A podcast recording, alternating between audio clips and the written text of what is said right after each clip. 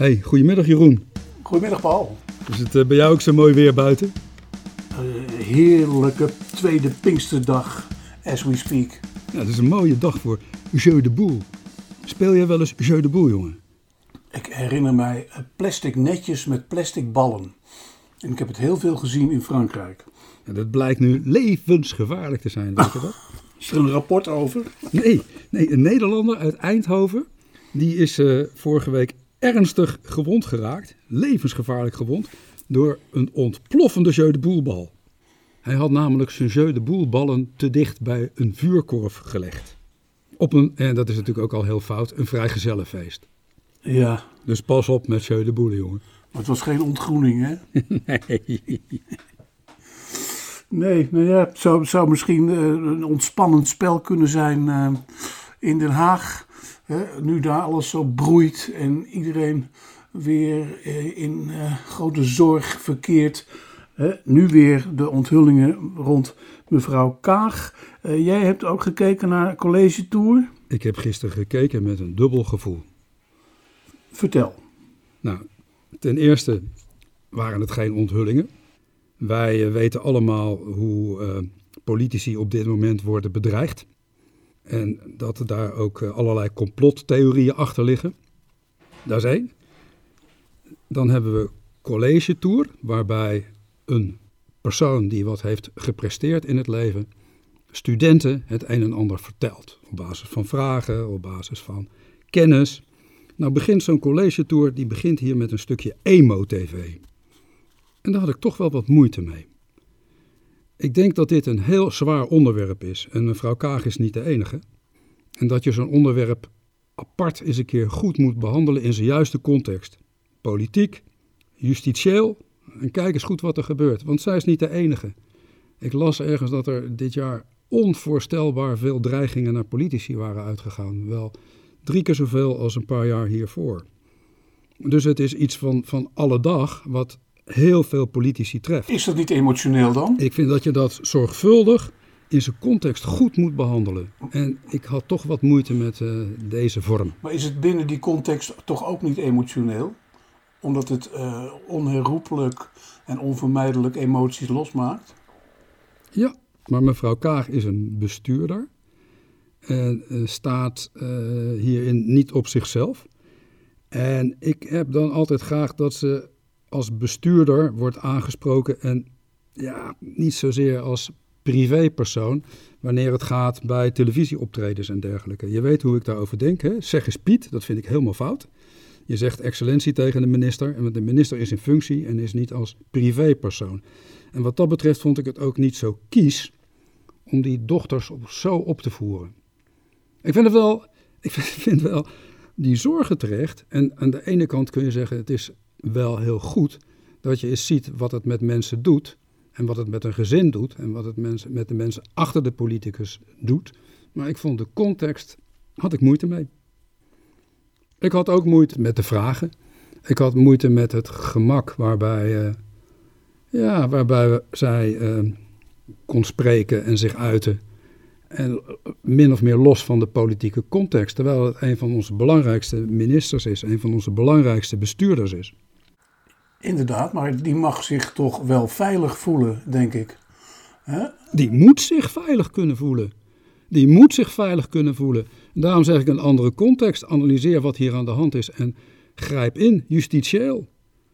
Dit, dit uh, maakt mensen bewust. Ja, in die bewustwording kan het een rol hebben gespeeld. Het, het programma is natuurlijk ook enorm uh, gehyped. Dat moest toch wel heel veel kijkers trekken. Dus het is heel veel in het nieuws geweest. Ja, en dat is dan misschien wel terecht, maar ja, oké. Okay. Ja, ik heb er enigszins toch uh, bezwaren tegen de context. Nou, ik denk wat dat betreft aan die oude uitspraak. Ik meen dat het van André van S was, ooit politica bij de PSP. Die zei dat het persoonlijke ook politiek is. Ja. Ik, ik kan het, het, het wat dat betreft toch niet helemaal scheiden, omdat er hoe dan ook elke keer een mens achter de bestuurder staat. Want die bestuurder kan niet alleen functioneren als bestuurder als hij geen mens is. En in dit geval is het natuurlijk met al die publiciteit nogal uh, behoorlijk uitvergroot.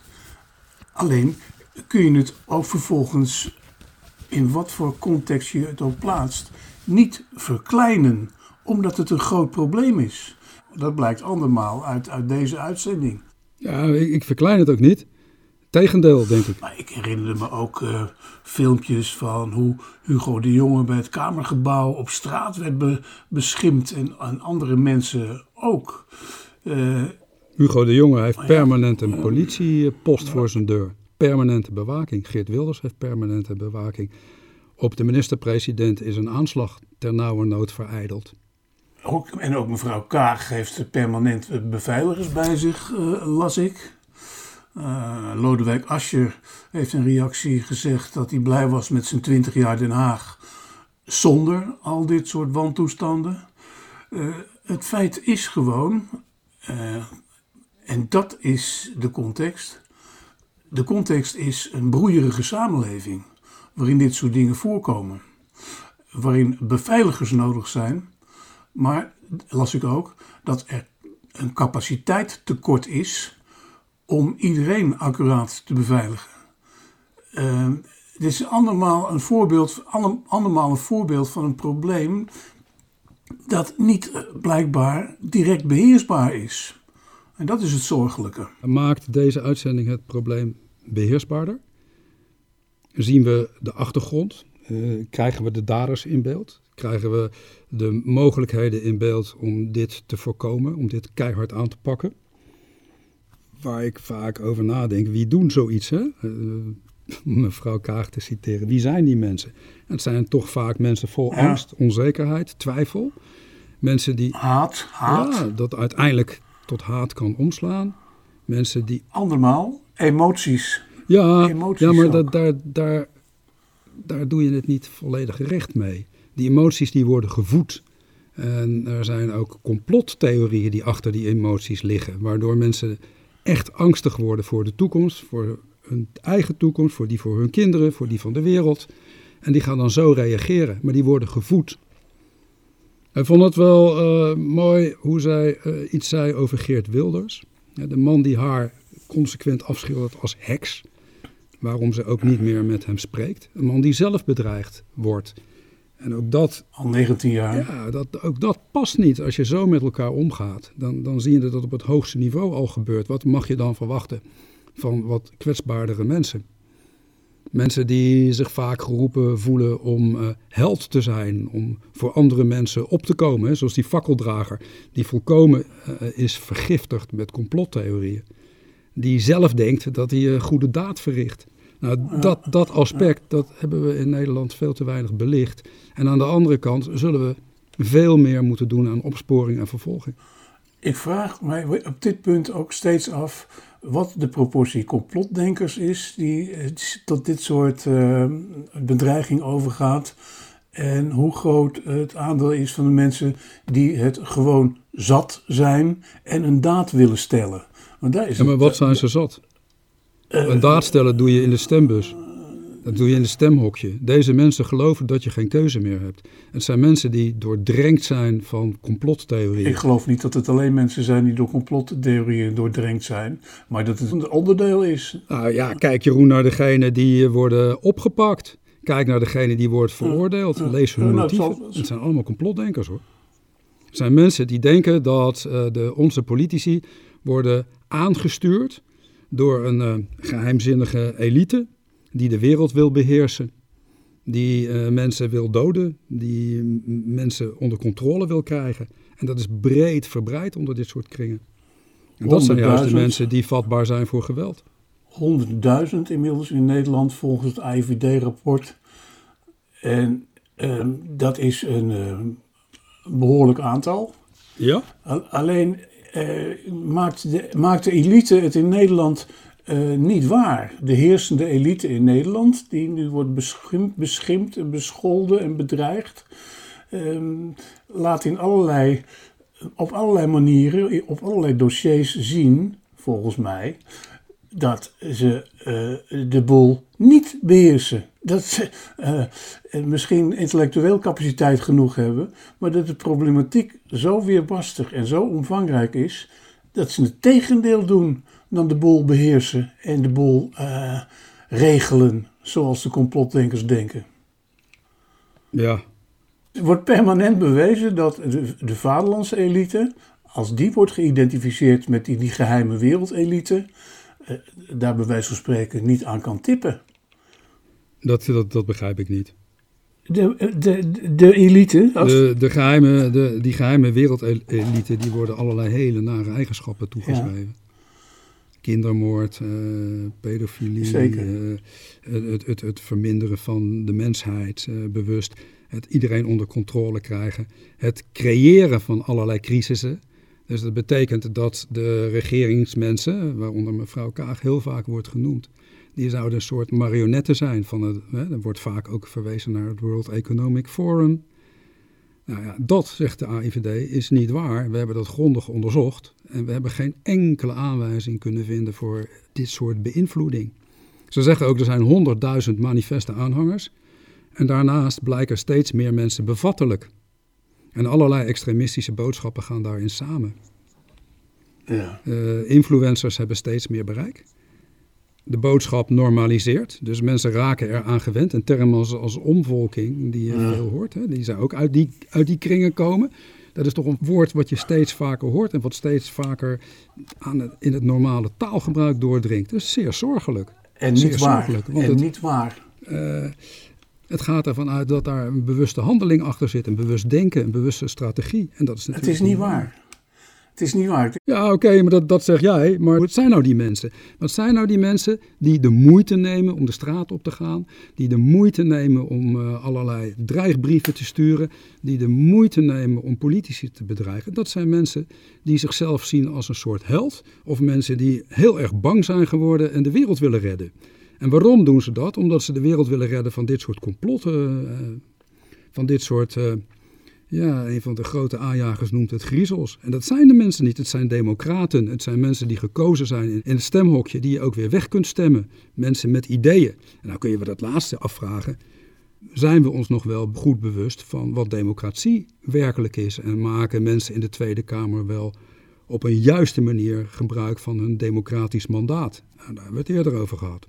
Dan zeg ik alleen eh, dat de gekozen bestuurders eh, duidelijk niet alle controle hebben over de zich voordoende problematiek, die niet verzonnen is, maar die heel wezenlijk is, gelet op het klimaat, op de stikstof, op de asielzoekers, op de Groningse aardbevingsproblematiek. Daar zit geen eh, geheime complot achter. Dat zijn wezenlijk zich voordoende problemen. Ja, en gemaakte fouten ook natuurlijk. Die zijn er wel degelijk. Ja, Kritiek. duidelijk.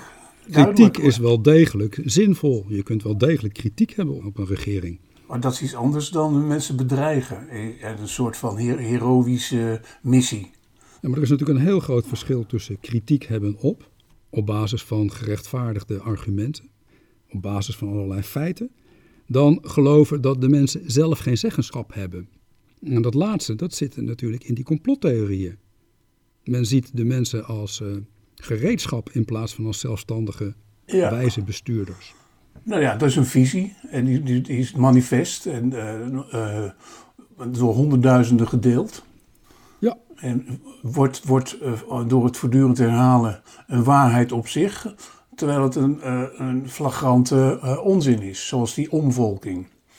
Maar ja, als je er maar hard genoeg eh, op hamert en in je eigen sociale domein, in je sociale media, het voortdurend uitvergroot en herhaalt, kan je je voorstellen dat het, dat het geloofd wordt. Precies. Ehm, jij hebt het rapport van de AIVD gelezen. Hè? Ja, Staan daar ook aanbevelingen in om ehm, die complottheorieën toch nadrukkelijker te ontzenuwen en ehm, de wezenlijke motieven weg te nemen?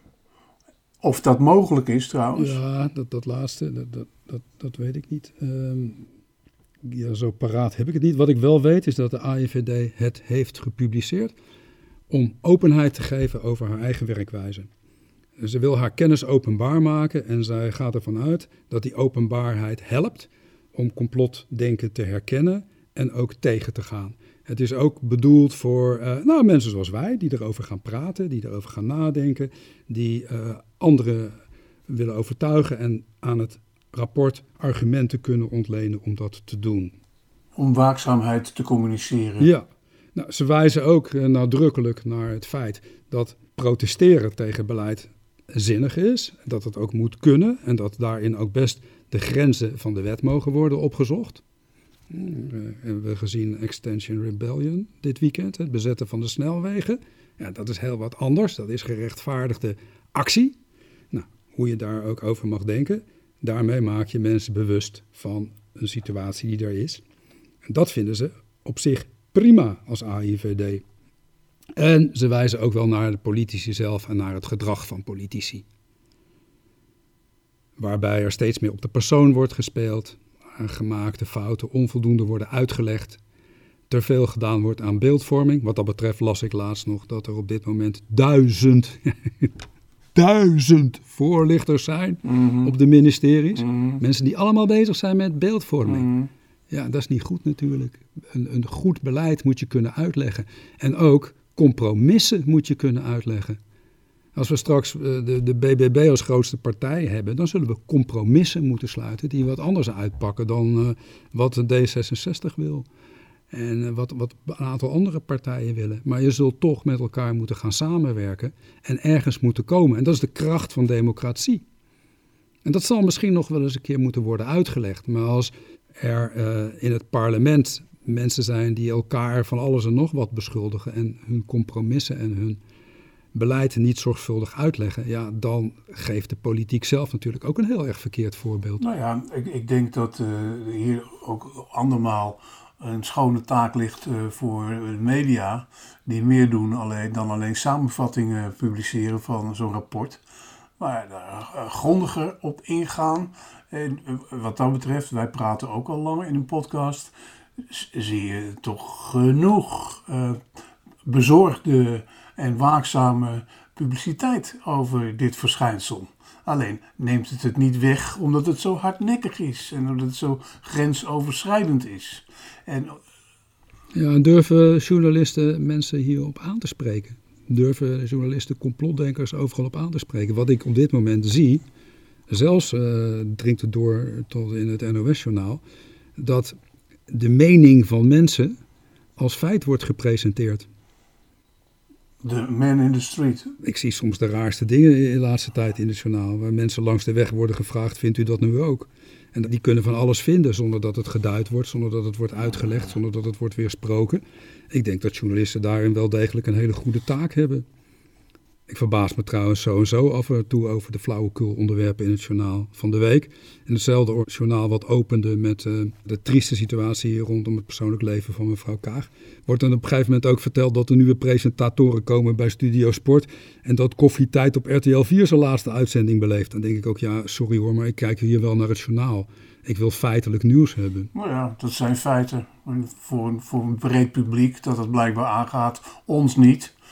Ik maak me daar niet zo druk over. Nee, maar er, gebeurt, er zijn toch wel ernstige Ja, dingen hoor. in de wereld. Het hoeft toch niet allemaal vermaken, lol en En er te loopt bij zijn, het journaal toch ook een hele goede, zeer goed geïnformeerde presentator als Rob Trip rond. Die eh, Ja, heel maar het gaat niet om de kwaliteit van de personen. Het gaat om de keuze van de onderwerpen. Ja, nou, nou, laten we dan terugkeren op de Vox Pop, eh, de Vox Populi. Toen ik daar nog zat bij de NOS, was er ook eh, regelmatig discussie over of dit niet te ver ging met die Vox Populi. Maar waar is dat, die, die vorm van verslaggeving uit ontstaan? Juist twintig jaar geleden al, omdat er zo'n grote kloof bleek tussen het publiek en de regering. Ja, dat is één kant van het verhaal. De journalistiek werd verweten dat ze te weinig ehm, zelf naar het publiek luisterden. Uit die tijd dateert ook bij de NOS eh, meer naar het publiek toe gaan. Ik heb het idee, ik werkte zelf in die tijd in Hilversum, dat de opkomst van commerciële omroep daar een hele grote rol in heeft gespeeld. Het komt uit Amerika en op een gegeven moment, ja, het scoren van programma's was ook heel belangrijk. En in plaats van een goede scheiding te maken tussen commerciële en publieke omroep, zie je dat de publieke omroep steeds meer eh, is opgeschoven in de commerciële richting. Dus het scoren van programma's heel erg belangrijk vindt. Ja, Nou ja, doet de NOS daar even iets aan, aan, aan eigen mededelingen van eigen presentatoren. Volgende onderwerp. Het belangrijkste is, is dat er in die Vox Populi een groot deel van die complottheorieën ook uh, verscholen zit. En dat het belangrijk is om dat te Ja. laten horen, om het vervolgens ook te weerleggen. En dat weerleggen, dat gebeurt waarschijnlijk nog te weinig. Vooral als ik denk aan het door jou ook weer geopperde item van de omvolking. Dat is zo'n ongelooflijke kwatsch. eh, dat eh, weerlegging eh, nou, blijkbaar dan toch weer nodig is. Ik vraag me op dit punt af wanneer we eindelijk iets horen over het lot van ongehoord Nederland. Ja, Dat die omvolkingstheorie ook weer eens eh, lekker heeft laten uitventen door Philip de Winter uit Vlaanderen. Eh, we zitten voor een zomerreces. Maar voor die tijd mag het toch wel eens een keer duidelijk zijn wat staatssecretaris Oesloe zegt. Ik verwacht ook binnenkort wel iets van haar. Jij niet? nou dat moet. Binnen vier weken moet er gereageerd zijn. Dus eh, Ja. we gaan het zien. ja, het is al een paar weken geleden dat die ophef is ontstaan voor de zoveelste keer. Waarbij ik nog steeds vind dat dat een goede aanleiding is, dat soort programma's, om het te weerspreken, uit te leggen, goed onder de loep te nemen, in plaats van de zender te verbieden. Ik vind ook dat dat moet gebeuren door de rechter en niet door collega-omroepen of door een minister. Ik vind dat echt een gerechtelijke zaak. Dan moet je kijken, zijn de wetten in Nederland goed genoeg? Precies. Maar de omroep valt toch ook onder een, onder een bestel. De, de, de rechter heeft, zal, zal hier de belangrijkste eh, uitspraak in kunnen doen. Het staat alleen vast. En ik ben van die school dat ik vind het ongehoord Nederland nou niet per se moet worden verboden. Omdat het eh, in dit bestel nou eenmaal een stem geeft aan mensen die dit soort dingen vinden. Waar jij vervolgens op kunt reageren. Eh, omdat het nou eenmaal zo is in onze democratie van het vrije woord en de vrijheid van meningsuiting. Alleen kun je vast, eh, je hart vasthouden in hoeverre die meningen nog allemaal nog wel zo gezond zijn en hoe giftig ze wel niet zijn. Nou ja, daar zijn wij in ieder geval, eh, hebben wij de vrijheid hier in deze podcast en kranten en andere rubrieken om eh, daar een tegengif over eh, te verspreiden. Ja, In, ieder geval, om in ieder geval het, in ieder geval het te matigen. Kijk, dat is het laatste wat ik nog zou willen vragen aan je. Ehm, omdat ik dat hier en daar in eh, krantenartikelen lees. Ehm, ben jij het eens of heb je gelezen dat de AIVD in zijn rapport stelt dat de democratie in Nederland weerbaar genoeg is tegen dit soort ontwikkelingen? Nou weerbaar genoeg niet, maar hij zegt vooralsnog weerbaar. Er zijn ook nog genoeg mensen die hier tegenwicht aan geven. Maar als je de eindconclusies leest, dan zegt het AIVD... waarschijnlijk zijn eh, deze theorieën, ze noemen dat anti-institutioneel extremisme... Hè, wat zich keert tegen rechters. Niet te vergeten journalisten. Hè? Durf jij als Ja. journalist alles te zeggen, alles te schrijven wat je wilt? Als je bedreigd wordt, als je kinderen bedreigd wordt, je huis in brand wordt gestoken. Allemaal feiten die in Nederland hebben plaatsgevonden. Ja, En dan zegt de eh, AIVD, waarschijnlijk vormt dit geweld, dit extremisme, een ernstige dreiging op langere termijn. En dan ook dreiging met geweld. En mogelijk een dreiging van geweld op kortere termijn. Nou, dat zijn ernstige conclusies. ja, En daarnaast brengt het het democratisch functioneren, onze rechtsstaat in gevaar. Als rechters niet meer vrij zijn eh, om hun uitspraken te doen zonder eh, last van dreiging, en die dreiging die kan zelfs zich uitbreiden naar hun kinderen of hun gezin, dan is er iets grondig mis in onze eh, democratische rechtsstaat. En daar zullen we ernstig op moeten acteren. ja. Extra waakzaam zijn. Wat dat betreft eh, raad ik iedereen aan om dat rapport maar eens een keer te lezen. Je kunt het gewoon downloaden van internet. AIVD, laatste rapport. Ja, Anti-institutioneel extremisme. ja, Maar ja, goed, mensen die heilig van overtuigd zijn dat de AIVD een verlengstuk is van eh, de, de, de kwade elite en ook wordt aangestuurd, ja, die zullen daar geen boodschap aan hebben. Dus er moet veel meer gebeuren. wat dan? Je moet dus heel goed kijken naar wat de motieven zijn van de mensen die dit doen. En die motieven misschien wel serieus Heb je nemen. net al geschat, En geschetst. dan ja. ontkrachten. Ja, ja. Nou ja, Dus er blijft werk aan de winkel. En wat dat betreft denk ik ook aan dat grote uh, hete hangijzer, wat nu ook al wekenlang steeds heter wordt, dat is de asielkwestie. Ja. ik, ik, ik, ik, ik heb dat eerder deze week wel eens bedacht of benoemd als uh, humanitaire overboeking zonder reisbureau. Ze blijven maar komen en de capaciteit, dan heb je het weer, schiet tekort.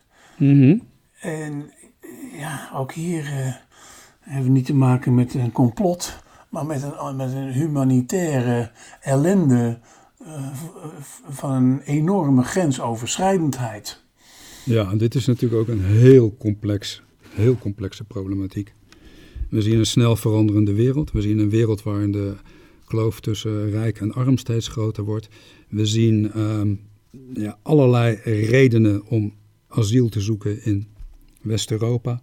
En aan de andere kant zie je in West-Europa dat we geen woningen hebben, geen onderwijs kunnen bieden, de gezondheid niet gegarandeerd is. Mm. Ja, dan hebben we een, een ontzettend probleem. En een spreidingswet, dat lost daar natuurlijk niks aan op.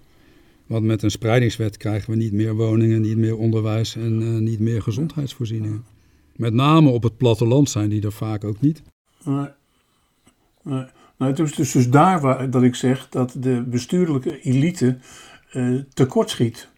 Uh, alleen, ik stel, ook, ik stel ook vast dat ze gewoon met hun handen in het haar Je zitten met hun handen bevinden. in het haar. Ja. Ja, ja, ja, ja. En er zitten natuurlijk ook mensensmokkelaars uh, in.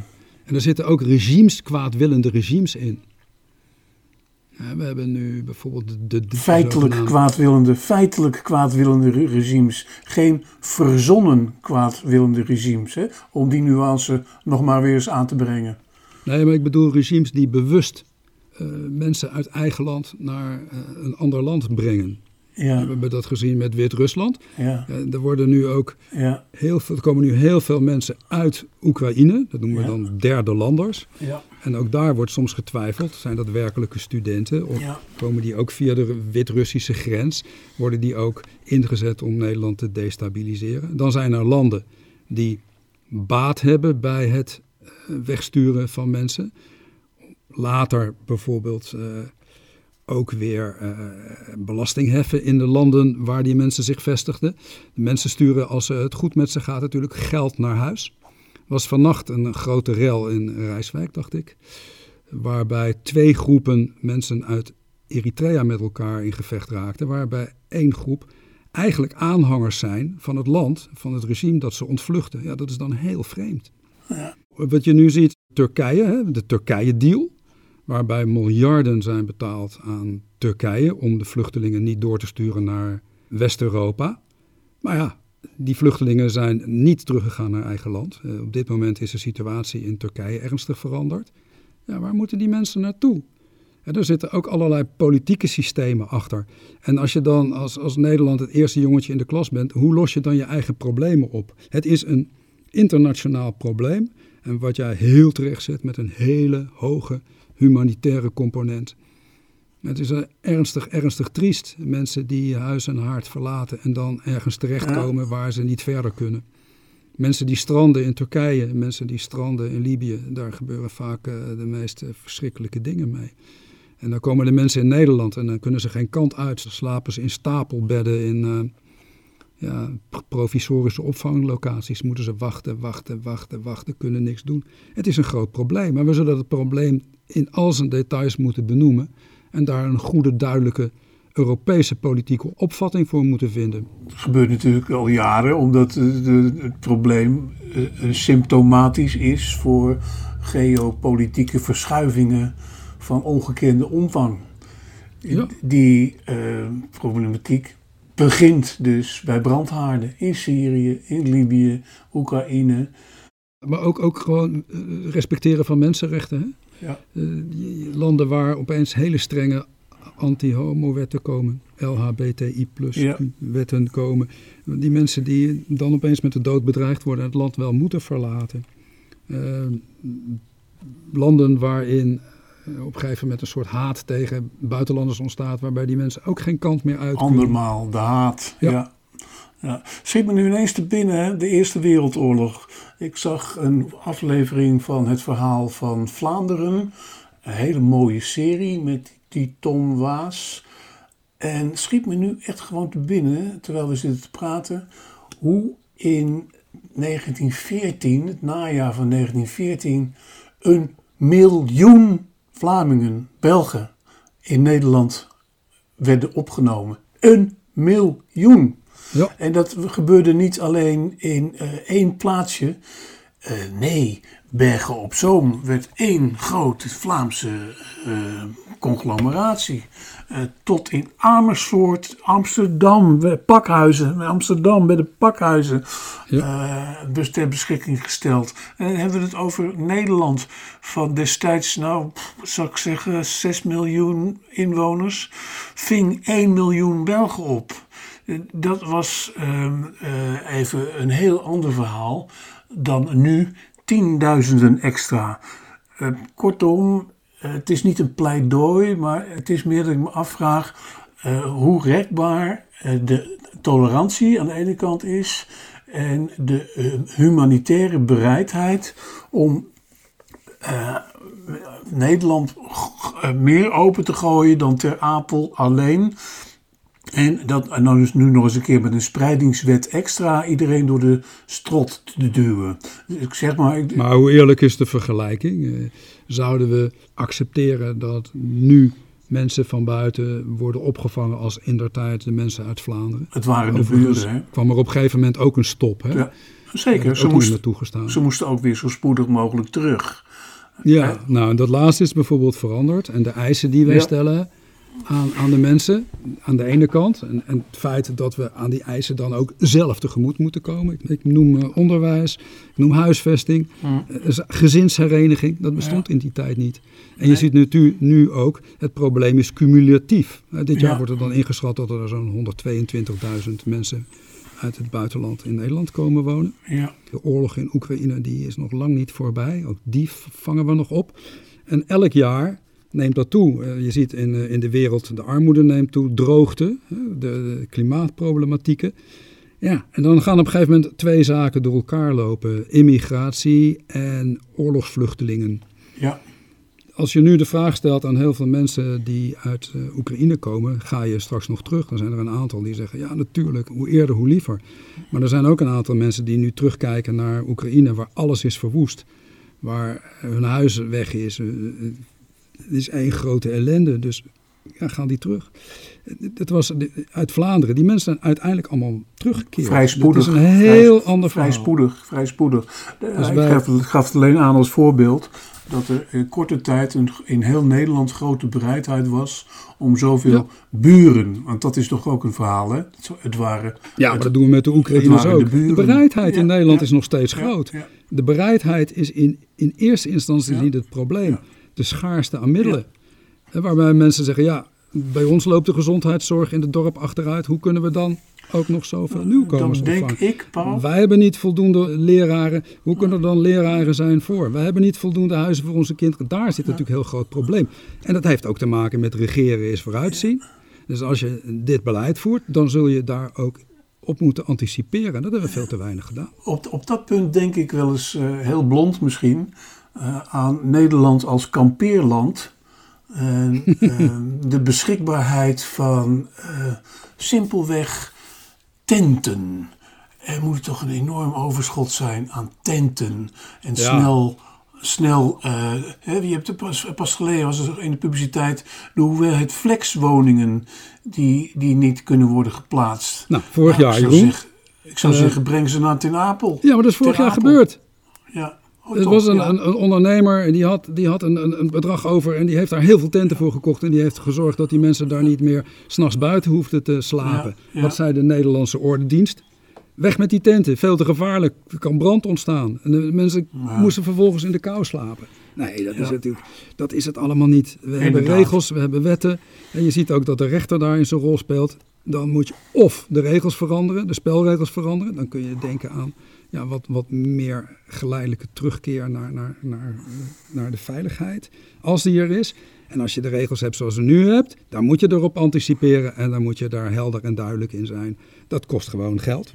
Mag dan ook niet het gezegde opgaan dat onder druk van alles vloeibaar wordt? Ik hoop het. Ja. Het is een Ja. Europees probleem, het moet Europees worden opgelost. En voor mij geldt, eh, laten we het niet te zeer eh, anonimiseren, maar ook denken aan alle mensen die het betreft. Menselijk. En hun ook duidelijkheid bieden van tevoren. Menselijk blijven, vooral. Ja, maar ook, kijk, een, een vluchteling weet op een gegeven moment waar hij terechtkomt. Daarom hebben ze die gevaarlijke overtocht gemaakt. Daarom zijn ze vertrokken van huis en hart. Daarom hebben ze de moed getoond om alles achter zich te laten. En dat is natuurlijk een aspect van het verhaal wat we eigenlijk nooit horen of nooit zien. Maar als je je regels en wetten verandert, ja, dan weten de mensen ook van tevoren waar ze aan toe zijn. Er is op dit punt maar één wet. Welkom. Ja, ja maar welkom, dat moet dan ook gepaard gaan van de nodige materiële zaken daaromheen. Voorzieningen. Ja, voorzieningen, kans op werk, kans op, noem maar op, veiligheid. Alles wat zo dringend nodig is. zelfs die veiligheid van mensen is niet eens gegarandeerd. Goed Jeroen, dat is geen eh, vrolijk einde. Weet je nog iets leuks? Nou, het gaat allemaal om mensen. Ja, het gaat allemaal om mensen. Laten we welwillend zijn. Laten we ze welkom heten. Laten we werken aan die voorzieningen. Precies. Dat is het enige wat ik ervan kan zeggen. Tot volgende week. Tot gauw. Hoi.